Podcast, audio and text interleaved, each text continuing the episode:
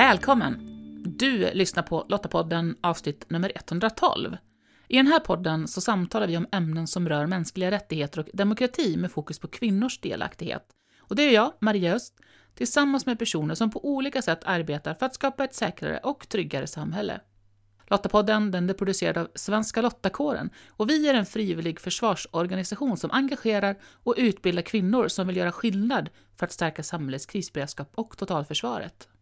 I det här avsnittet möter du Emma Nordvall som jobbar på räddningstjänsten i Skåne nordväst. Och vi pratar om varför det är så få kvinnor inom räddningstjänsten och vad som görs för att skapa förändring. Så häng med, så berättar Emma hur hon ser på vilka möjligheter det skulle innebära för räddningstjänsten med fler kvinnor. Emma, välkommen till Lottapodden. Tack.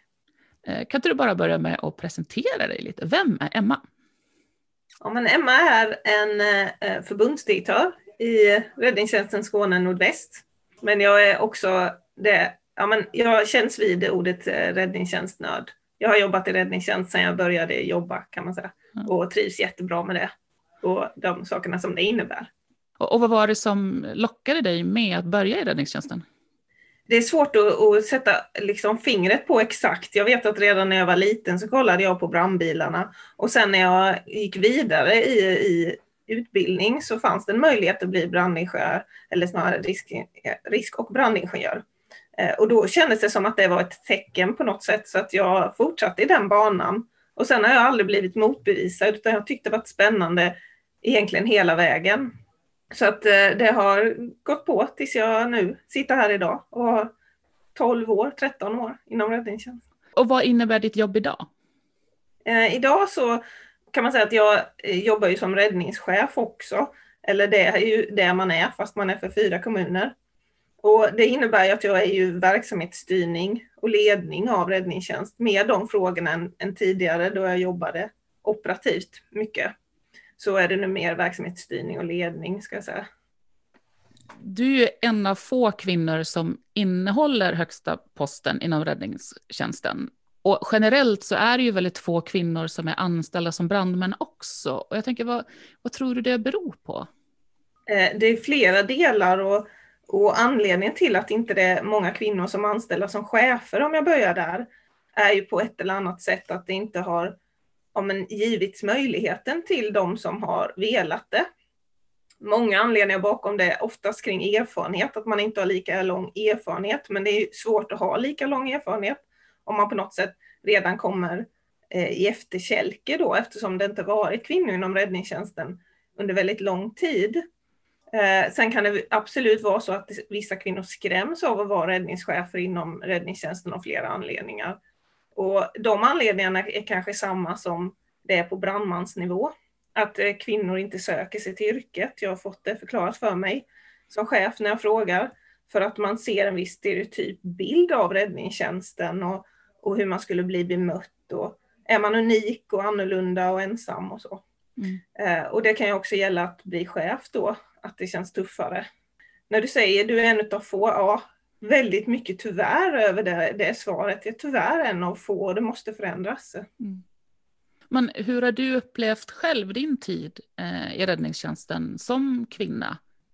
Men jag har upplevt den bra. Jag var ju också på något sätt delaktig i det här Larmet går, som var ju den under metoo-rörelsen. Visst har jag också sett och, och, blivit bemött med vissa saker som kan ha varit på gränsen, men jag har inte den hårda vägen som andra vittnar om att de har haft. Jag har, sitter ju också på den här positionen nu, mm. där jag har skapat, men det har konstant varit en tydlig inriktning för mig. Jag var tvungen att vara mycket mer extremt tydlig med att det är hit jag vill, kanske än andra kollegor. Det är ingenting som har blivit serverat, om man ska uttrycka det så, utan jag har fått vara tydlig och, och det som man ofta får höra som kvinna, att du har skinn på näsan. Och, och det kan man säga vad som helst om det uttrycket, men men det, det är ändå en bra beskrivning att jag, jag har nog varit tvungen att tuffa till mig för att hamna här.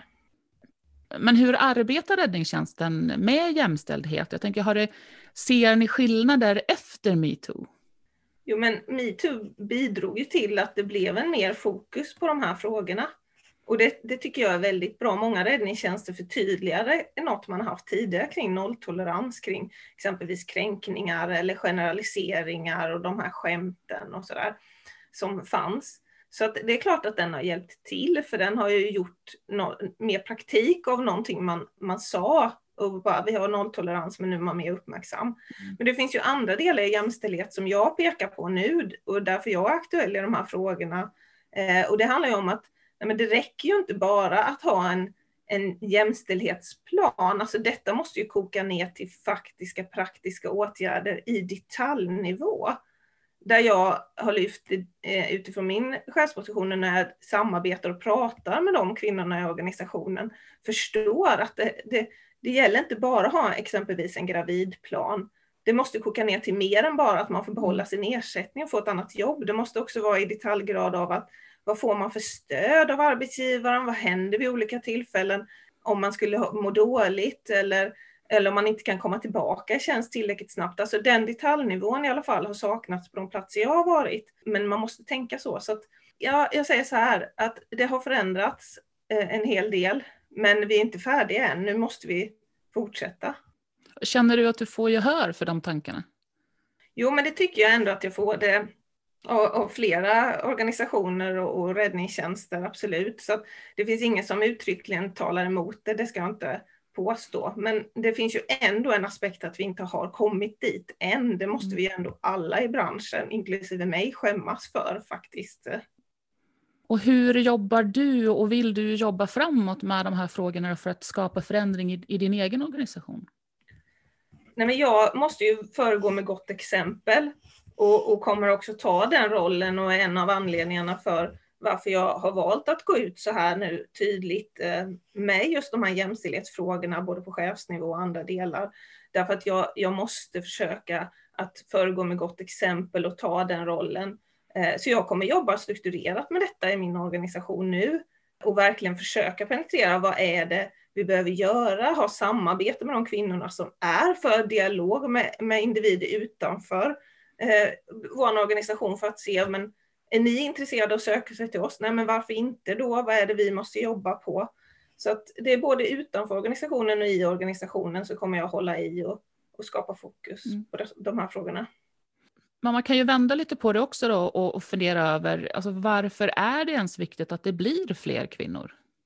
Nej, men det man ser och som är självklart, det är ju exempelvis i politiska sammanhang där finns det en, en jämn fördelning och mångfald generellt. Det finns en anledning till det och det beror på att samhället ser ut så. Så att varför vi ska kunna göra det är, är i många fall för att möta samhällets behov, vill jag påstå. Att vi måste ju vara representerade i den utsträckningen som samhället är. Och, och, man kan peka på ofta så här kring styrkan och, och allt som alla ursäkter som finns varför vi inte är jämställda i branschen.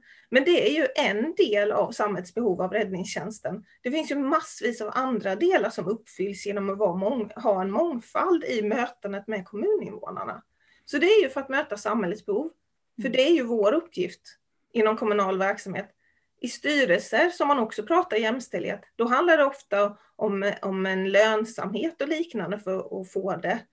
Och det stämmer också, men för oss är det för att möta samhällets behov vi behöver bli det.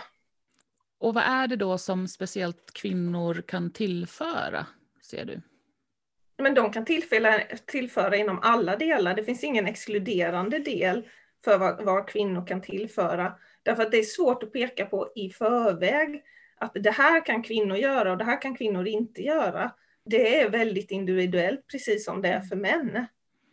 Så att jag, jag menar att vi är, ska vi sätta och definiera i förväg att, att det här kommer inte hända eller det här kommer inte klaras eller det här, så här kommer det bli. Det finns ingen av oss som vet det. Det man vet är ju snarare tvärtom, att blir det mångfald så blir det bättre.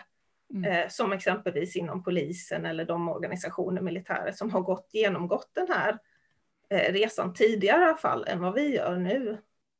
Jo, men det pågår ju arbeten för förändring som du beskriver och MSB är ju den myndighet eh, som också är, är inblandad och stöttar. Och hur ser det samarbetet ut och det arbetet på liksom mer övergripande nivå att skapa förändring? Jo, men MSB har ju jobbat med detta och, och det arbetet går ju framåt, men dock sakta, vilket också MSB säger själva och branschen säger själva. Samarbetet nu är ju i, den del och dialog i den strategin som MSB sätter för jämställdhetsarbetet framåt nu. Den är ju väldigt aktuell just nu och varför jag har liksom kopplats in och pratat om jämställdhet på chefsnivå. Eh, och utöver det så har man ju också löpande dialoger, man har haft en, en, en informationsträff med HR-personer, eh, man hjälper till i olika informationssammanhang och så vidare. Det finns flera delar som kan nämnas där och som man kan hitta själv. Så att de försöker ju samarbeta med branschen mycket kring den här frågan just nu och det uppskattas ju. Vad skulle du vilja att det är för åtgärder som tas för att det här ska gå snabbare? Ja, det är en jättebra fråga för att det är precis det vi sitter och diskuterar nu och jag har, jag har ju ingen, ingen beskrivning eller något typ av lösningshäfte på hur det ska fungera, eh, även om jag tycker till i frågan. Jag önskar att jag hade haft det. Men ska jag ändå försöka att nämna någonting så, så är det ju kanske den här dialogen som förs just nu som MSB är del av gällande fystester för brandmän. Den vet jag också har varit uppe i Göteborg nyligen i tidningen och så, så den är mediebevakad också. Där kan ju MSB vara med och sätta en form av gemensam bild i Sverige av vad som ska krävas, så att det inte blir upp till enskilda mm. Eh, räddningstjänster att ha olika fyskrav. Mm. Mm. Sen på chefsnivå då, som jag också måste få nämna, att för jag tittar på två olika perspektiv när det gäller jämställdhet inom räddningstjänsten, så tycker jag att det är jättebra att MSB nu kommer att sätta fingret på att följa upp inte bara många män, män och kvinnor det finns i operativ verksamhet utan också på chefsnivå, för det sätter ju ändå en, en, ja, men en bevakning kan man väl säga på räddningstjänsterna gällande den frågan. Ja, just det, för idag så, så separerar man inte den statistiken. Det finns ingen statistik alls på hur mm. många kvinnor som är, eller åtminstone så begär man inte in det av, av räddningstjänsterna och då, ja, men då på ett sätt så klarar man sig undan det fokuset och kan fokusera, fortsätta fokusera på brandmansnivån, vilket man har gjort väldigt länge. Mm. Och det skadliga med det tycker jag är att man riktar all fokus och all skuld nästan på brandmansnivån, att det är mm. brandmännens fel att vi inte är jämställda, medan jag vill påstå att det är ju främst chefernas ansvar att vi mm. ska vara jämställda. Och jag tänker att det är väl kanske också där som, som allmänhetens bild ligger, i alla fall upplever ju jag att det, det, för det är brandmännen vi först möter och ser och kanske inte heller tänker på att det finns fler möjligheter eh, inom räddningstjänsten. Men jag tänker, vad, vad skulle du säga då till en, en kvinna som, som lyssnar på det här och som ändå är lite nyfiken och kanske funderar på att söka sig till räddningstjänsten? just det du är inne på, att det finns ju så många olika möjligheter. Att dels så passar man som brandman, man är lika bra och till och med bättre i vissa fall, precis som vilka män faller inom olika kategorier av prestation som brandmän. Så att det kan man absolut bli, men man kan också, om man inte vill bli det, jag menar då finns det flera olika poster och inriktning inom räddningstjänsten där, eh, som man kan hoppa på vår verksamhet är ju lika bred som många andra verksamheter mm. kring vad man kan, vad man kan göra och, och vara intresserad av. Så att räddningstjänst är inte bara det man möter ute på olycksplats eh, och, och, och, den, ja, men, som jag vill påstå, stereotypa bilden av vad räddningstjänsten är. Så är det inte, det är felaktig bild. Men då hoppas vi helt enkelt att eh, det här i alla fall har inspirerat eh, några fler kvinnor att, att söka sig till och så får jag önska lycka till med jämställdhetsarbetet. Ja, kom till räddningstjänsten. Jag vill också säga det, bra att du säger det. det, det kom till räddningstjänsten. Vi, vi ser en bild framför oss att vi, vi måste bli jämställda och gärna inom några år att det går snabbt nu för att det kommer skapa en modernare och bättre och, och ja, men rolig räddningstjänst och arbetsplats. Tack så jättemycket! Att skapa förändring är ju inte lätt och att förändra bilden av ett yrke som traditionellt sett har varit ett yrke för män, det tar såklart tid. Och jag tror det är enormt viktigt med kvinnor som kliver fram och lyfter frågorna, precis som Emma gör, för att det överhuvudtaget ska bli någon verkstad. Och inte minst också för att synliggöra för andra kvinnor vilka möjligheter som finns. Länk till mer information relaterat till det vi samtalat om i det här avsnittet, det hittar du på lottapodden.se. Emma är, precis som Lottapodden, ambassadör för Mötesplats Samhällssäkerhet som är Sveriges största mötesplats för alla oss som arbetar inom samhällssäkerhet. Och I år så blir mötesplatsen av naturliga skäl helt digital och genomförs 23-24 mars. Det är två dagar med många spännande seminarier och möjligheter för dig att möta utställare inom området och, även nätverka med andra deltagare. Gå in på samhallssakerhet.se så hittar du mer information. Och om du, precis som Svenska Lottakåren, tycker att fred, demokrati och mänskliga rättigheter är värda att försvara och du vill vara med och göra skillnad för vårt samhälles krisberedskap och totalförsvar, i så fall ska du gå till svenskalottakåren.se. Där hittar du information om hur just du kan göra skillnad. Nästa avsnitt av Lottapodden kan du lyssna på om två veckor, den 18 februari. Och då får du möta Sandra Rosén Larsson, som utbildade sig till stabsassistent genom Svenska Lottakåren och under pandemin fick chansen att jobba heltid eh, i Försvarsmakten med deras pandemiinsats. Ja, det var ju väldigt mycket förfrågningar som ramlade in i Försvarsmakten om stöd till samhället med olika typer av eh, resurser, bland annat ehm, skyddsmaterial såklart, som var väldigt akut i början med eh, stabsresurser faktiskt till olika krisledningar på svenska myndigheter och regioner. Och annat material, det var alltid liksom från tält, fältsjukhus, eh, transporter, ambulanser. Eh, så att alla de förfrågningarna hanterar vi i covidgruppen som jag har ingått i sedan i mars 2020 och handlägger och tar beslut. Vad kan vi ge? Och sen skickar ut order då till de olika militärregionerna när vi har tagit beslut om att ge stöd. Det är ett väldigt eh, spännande arbete. Så om du inte redan gör det, prenumerera gärna på Lottapodden för att säkerställa att du inte missar nästa avsnitt. Du hittar podden bland annat i Apple Podcast, Podbean eller på Spotify. Och om du gillar Lottapodden, berätta gärna för andra om den. Och tack för att du lyssnar. Hej så länge!